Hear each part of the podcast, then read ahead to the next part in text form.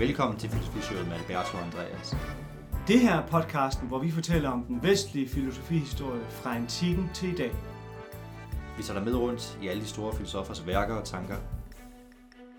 Kom med på en rejse igennem tiden for at møde de idéer og idealer, der former vores verden og påvirker dit liv til daglig.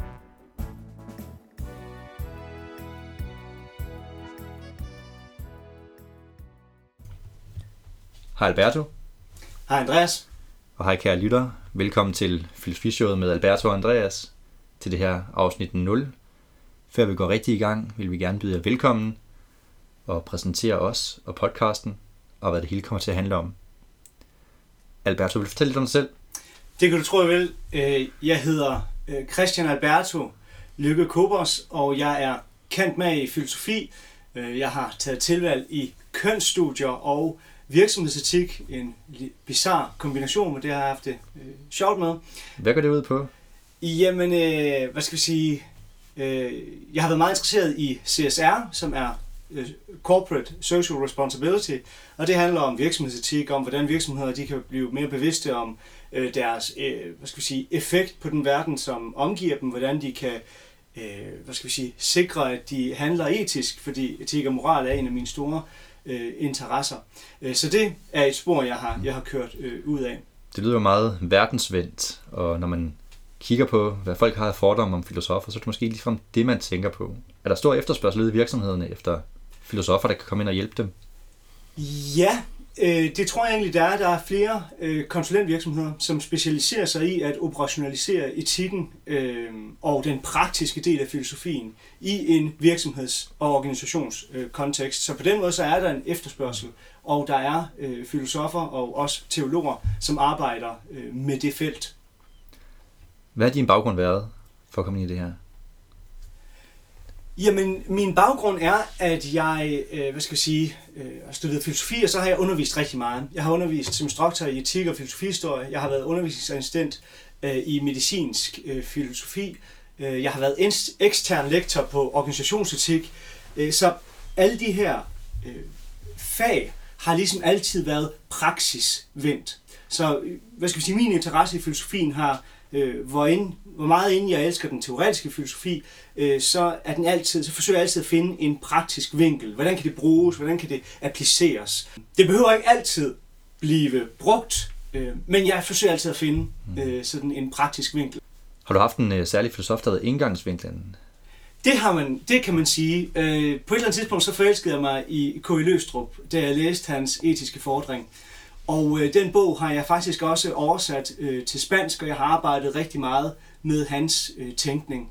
Og også forsøgt at øh, hvad skal vi sige, skrive artikler om hans tænkning øh, og gå til konferencer, hvor jeg har øh, talt om ham. Og det er også ham, jeg har øh, taget udgangspunkt i, når jeg har skulle arbejde med øh, virksomhedsetik. Der har det været især øh, dydsetikken og K.I. Løstrup. Så øh, det er, der er helt sikkert et stærkt udgangspunkt. Spændende. Og hvad laver du nu? Jamen i øjeblikket, der øh, skriver jeg en bog om K.I. Løstrup, øh, den del, som folk arbejder mindst med, hans metafysiske øh, skrifter, og øh, den vil jeg gerne indlevere som en øh, hvad hedder det, phd afhandling øh, når jeg kommer så langt, og så ved siden af, så underviser jeg og holder foredrag i alt fra øh, bag om massemonopolet, eller filosofien bag om massemonopolet, til filosofi og matador og forskellige ting. Tak skal du have, Alberto. Og Andreas, øh, hvad med dig? Hvad er du for en? Jeg er kendt med i filosofi og har tilvalg i litteraturhistorie. Øh, efter sommerferien skal jeg selv til at øh, begynde at studere teologi, så jeg, øh, jeg har været vidt omkring i de her klassiske discipliner. Jeg har altid interesseret mig meget for æstetik og æstetisk filosofi, det vil sige altså studiet af, hvad sansning er og hvad skønhed er. Øh, og det har jeg især gjort ud fra en vinkel, der hedder tysk idealisme, det vil sige filosofien fra, fra Kant til Hegel. Øh, og her har jeg selvfølgelig, øh, kan man sige, været især interesseret i øh, den kritik, der kommer fra Søren Kierkegaard af den her tradition. Derudover har jeg altid været øh, meget interesseret i den her meget udskilte disciplin, der hedder dekonstruktion, øh, som jo er fantastisk forvirrende, og ingen ved rigtig, hvad det indeholder. Men øh, efter at øh, det begyndte at blive brugt som skældsord på diverse internetforer, tænkte jeg, at det ville være en god idé for mig at sætte mig lidt ind i det. Så jeg har læst en masse Derrida og Jean-Luc Nancy og, og andre sjove franske filosofer, der har sagt en masse forvirrende ting. Og hvad er, hvad er ligesom din, din baggrund øh, for at lave øh, podcasten, og ligesom hvad du kommer af? Ja, altså udover min kandidatgrad i filosofi, så har jeg arbejdet som instruktor i erkendelses- og videnskabsteori på Aarhus Universitet, øh, hvor jeg har undervist øh, studerende i samarbejde med en, øh, en lektor i, øh, i simpelthen teorier omkring, hvordan vi ved ting, og hvad videnskab er for noget. Øh, derudover så har jeg været praktikant på Søren Kirkegaard Forskningscenteret, hvor jeg fik lov til at dyrke min interesse for Søren Kierkegaard, øh, som jeg desuden har holdt en masse foredrag om og skrevet papers om. Øh, sidenhen der har jeg været underviser på forskellige højskoler, øh, Krabbesholm i Skive og Testrup nær Aarhus, hvor jeg har undervist i øh, altså æstet, æstetiske fag, øh, simpelthen. Krabbesholm det er en kunsthøjskole, hvor jeg var inde og tale med eleverne om deres, om deres kunst og lægge et øh, filosofisk lag på det, eller finde filosofien i det. Derudover har jeg skrevet kulturjournalistik, øh, især essays om kunstudstillinger, øh, og, og holdt flere forskellige foredrag om filosofi. Og øh, det leder så også over i øh, det, du arbejder med nu, fordi øh, den kulturjournalistik, det er jo også noget, du, du arbejder med aktuelt, ikke sandt? Ja, det er rigtigt. Øh, jeg er on-off øh, filosofiredaktør på det her online-magasin, der hedder Eftertryk, øh, hvor der er rigtig mange gode kræfter samlet, hvor vi skriver artikler om samfund, filosofi, politik, miljø osv. Og det er så mig, der har haft ansvaret for, for de her artikler, der har mere med det filosofiske aspekt at gøre, analyser af samfundet ud fra filosofiske vinkler osv. Og jeg ved, at du også øh, er øh, festivalkoordinator. Øh, hvad er det for noget? Hvad er det for en festival, som du øh, øh hvad hedder det, har stort ansvar for? Ja, det er rigtigt. Det er i øh, Silkeborg, øh, hvor jeg er koordinator for det, der hedder KK44. Der er en festival for kultur og kristendom i uge 44. Jeg er ansat af Silkeborg Provsti til at lave den her festival, øh, hvor jeg ligesom samler en masse bidrag, der kan komme i løbet af ugen. Og det er alt fra foredrag til musik, teater, Øh, øh, hvad, hvad ved jeg? Altså vi har i år øh, en meget spændende fortællekoncert øh, om H.C. Andersens eventyr, og samtidig har vi også filosofisalonger og så videre. Øh, så hvis jeg må reklamere lidt for mit andet arbejde, så vil jeg klart anbefale folk at komme tur forbi Silkeborg i u 44 og se nogle af de her ting, vi laver. Der er i hvert fald noget for, for folk med interesse for filosofi. Så man kan sige, at vi begge to har en passion for at formidle filosofi. Vi har en passion for at Øh, gør filosofien øh, til noget, der er, øh, hvad skal vi sige... Øh... Ja, vi har begge to en øh, passion for at formidle filosofi, og jeg kan huske, vi har begge to læst på Aarhus Universitet samtidig nogenlunde. Du startede et år før jeg gjorde, og da jeg begyndte i 2010, der havde du allerede oprettet øh, Filosofisk Klassikerklub, kan jeg huske, hvor du inviterede andre elever og andre studerende til at komme og læse sammen med dig de her store klassiske værker, hvor vi ligesom i et fællesskab kunne finde ud af, hvad er det for nogle tanker, der, der har er været vendt her. Øh, og det tror jeg har været ret formende for min oplevelse af at studere filosofi, den her øh, ildsjæls øh, mentalitet, der ligesom har været på studiet, hvor øh, de studerende gik sammen om at, øh, at formidle øh, for hinanden. Jeg har selv været formand for det, der hedder Filosofisk Studenterkolloquium, hvor vi inviterede øh, studerende til at komme og holde foredrag for hinanden. Øh, og der har det altid været vigtigt for mig at øh, talt med vores foredragsholdere om, hvordan præsenterer man bedst øh, de her tanker, man går rundt og gør sig det kan være vildt svært for en øh, studerende på andet semester, at, øh, at få formuleret det på en helt ekstrem pædagogisk måde, når han har læst noget utrolig svært. Øh, men det er ligesom noget, vi øvede op efterhånden, og det er altid noget, jeg går meget op i.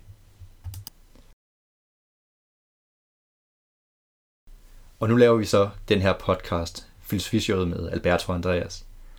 Og Alberto, øh, hvad er det, vi vil med den her podcast? Jamen, det er et godt spørgsmål. Det vi gerne vil, er grundlæggende at formidle filosofi til folk uden forudsætninger. Øh, ofte så kan filosofi øh, blive portrætteret som et elfenbensfag. Et, som kun de klogeste kan øh, hvad skal vi sige, engagere sig i, og man skal kunne alle de her lange ord, og det er svært og tungt. Det er ikke vores øh, opfattelse.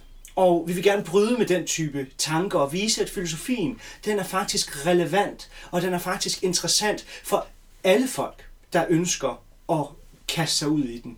Mm. Man behøver ikke store forudsætninger, og det er, hvad skal vi sige, øh, den vinkel, vi vil øh, lægge på det. Mm.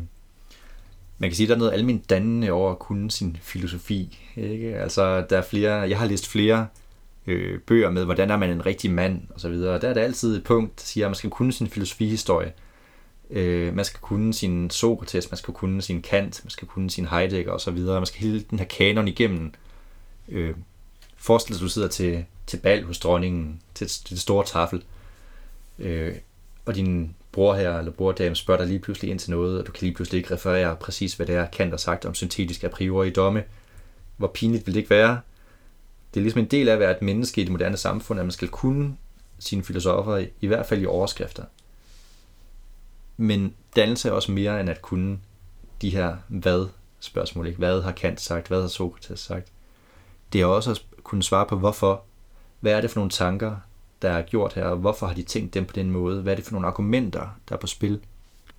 For at kunne øh, forstå, hvordan vi tænker om mange ting i dag, hvordan vi tænker om virksomheders etik og ageren i verden, hvordan vi tænker om os selv i verden, hvordan vi tænker på, hvad der er skønt og hvad kunst er, øh, så må vi kende til den historie, der findes bag de her tanker. Alle vores tanker i dag, de er historiske, de opstår ikke ud af ingenting. Når vi dømmer øh, noget makuleret papir som stort kunstværk, hvad ligger der så bag det? Når vi dømmer det som ikke kunst, hvad ligger der så bag det? Når vi siger, at øh, man som virksomhed skal opføre sig ordentligt, hvad er det så for en agens, man tilskriver en virksomhed her? Alt det kan filosofihistorien være med til at svare på, og det er derfor, at vi har valgt at lave en podcast om filosofiens historie, hvor vi gennemgår de her argumenter fra start til slut, helt fra de gamle grækere og frem til vores dag. Det er jo ekstremt vigtigt at være opmærksom på, hvad det er for nogle værdier, der styrer ens eget liv. Ofte, hvis man ikke sætter spørgsmålstegn, så kan man ende med at bare følge de trends og de strømninger, som andre vælger for en. Man tager det tøj på, som en eller anden har udvalgt på et magasin øh, i, i Paris eller i New York. Men hvis man kender modens historie, så forstår man pludselig, hvad det er for noget tøj, man har valgt. På samme måde med filosofien. Hvis man tager stilling til filosofien og lærer den at kende, så begynder man at forstå, hvad det er for nogle værdier, der styrer ens eget liv, som trods alt er dybere end bare, om man, hvad for en farve skjorte man tager på, og hvilke mønstre der er på den. Pludselig så får man altså evnen til at vælge til og fra på en bevidst måde, mm. hvor man virkelig, hvad skal vi sige, aktivt vælger sig selv og sit eget liv. Det er en evne, filosofien kan give os, øh, og som jeg håber, øh, en podcast som filosofihistorie kan inspirere folk til at øh, hvad skal vi sige, udvikle. Og måske skal vi tale lidt om, hvad vi præcis skal komme igennem i løbet af den her første sæson af filosofishowet.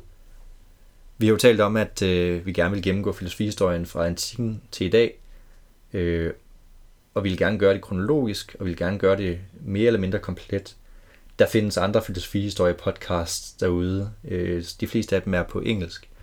Der findes nogen, der er ekstremt grundige, der findes nogen, der er mere overfladiske. Vi håber på at gøre det på en nogenlunde balanceret måde her. Men vi har valgt at sige, at hele vores første sæson handler om øh, den antikke græske filosofi. Vi øh, kommer til at tale om europæisk filosofi først og fremmest. Øh, filosofi opstår flere steder i verden på forskellige tidspunkter, uafhængigt af hinanden. Øh, og som regel i de fleste europæiske universitetskurser om filosofiens historie, så overser man den indiske filosofi, den arabiske filosofi, øh, babylonsk filosofi og tænkning, egyptisk osv.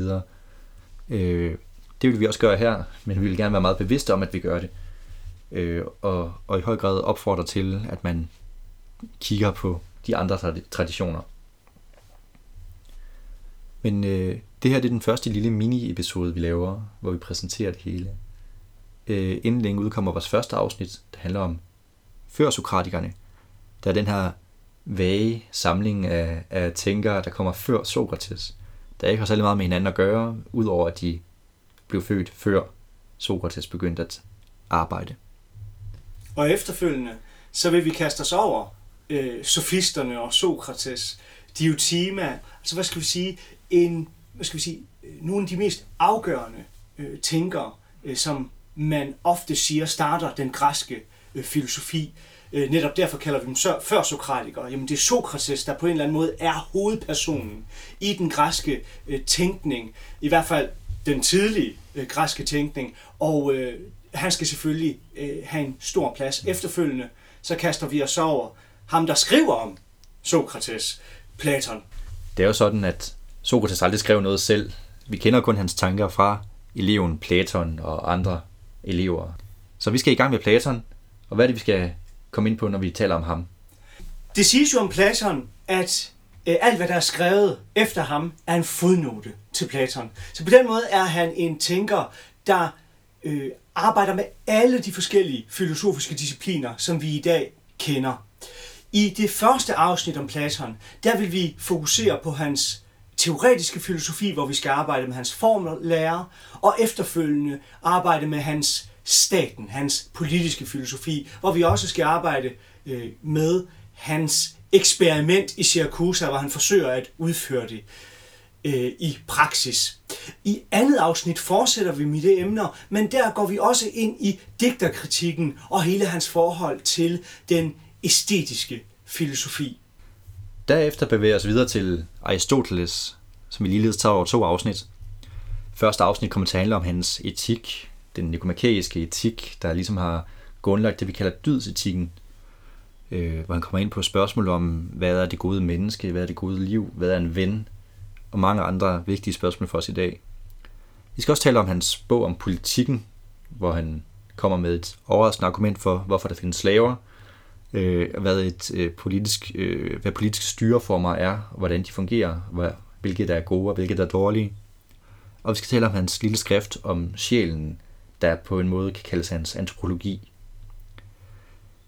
Afsnittet efter fortsætter vi med Aristoteles og taler om hans øh, fysik og biologi, de her naturvidenskabelige skrifter, han, han udgiver. Øh, Aristoteles er mange ting. Han er filosof, men han er også naturvidenskabsmand, der er en af de første til at gå ud og kigge på verden og forklare, hvad det er, han ser, og systematisere det. Vi skal tale om hans metafysik, hans øh, logiske værker, kategorierne, og til sidst kigge på hans retoriske skrifter, hvor han som den første øh, nævner de her tre appelformer, logos, ethos og pathos. Og efterfølgende, så vil vi simpelthen kaste os over en mere romersk tænkning. Øh, det, man kalder for stoicismen, det er tænkere som øh, Seneca og Marcus Aurelius, der har givet os nogle skrifter, som vi i dag ser igen og igen brugt af rigtig mange øh, influencers og, øh, og øh, offentlige debattører. Vi ser sådan en som Svend Brinkmann, øh, der virkelig tager stoicismen og dens indstilling til livet og til verden til sig og forsøger at formidle den. Den skal vi, der skal vi forstå, hvad er det egentlig øh, typer, som øh, Brinkmann taler om. Hvad er det Seneca og Marcus Aurelius siger hver især øh, i antikken, og hvordan, hvorfor har det så stor en betydning for os i dag?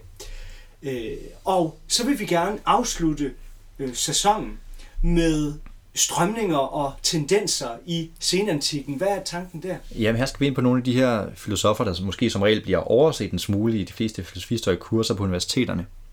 Vi skal tale om epikureisme, skepticisme og nyplatonisme, hvor vi blandt andet kommer ind på sådan nogle figurer som Plotin og Hypatia.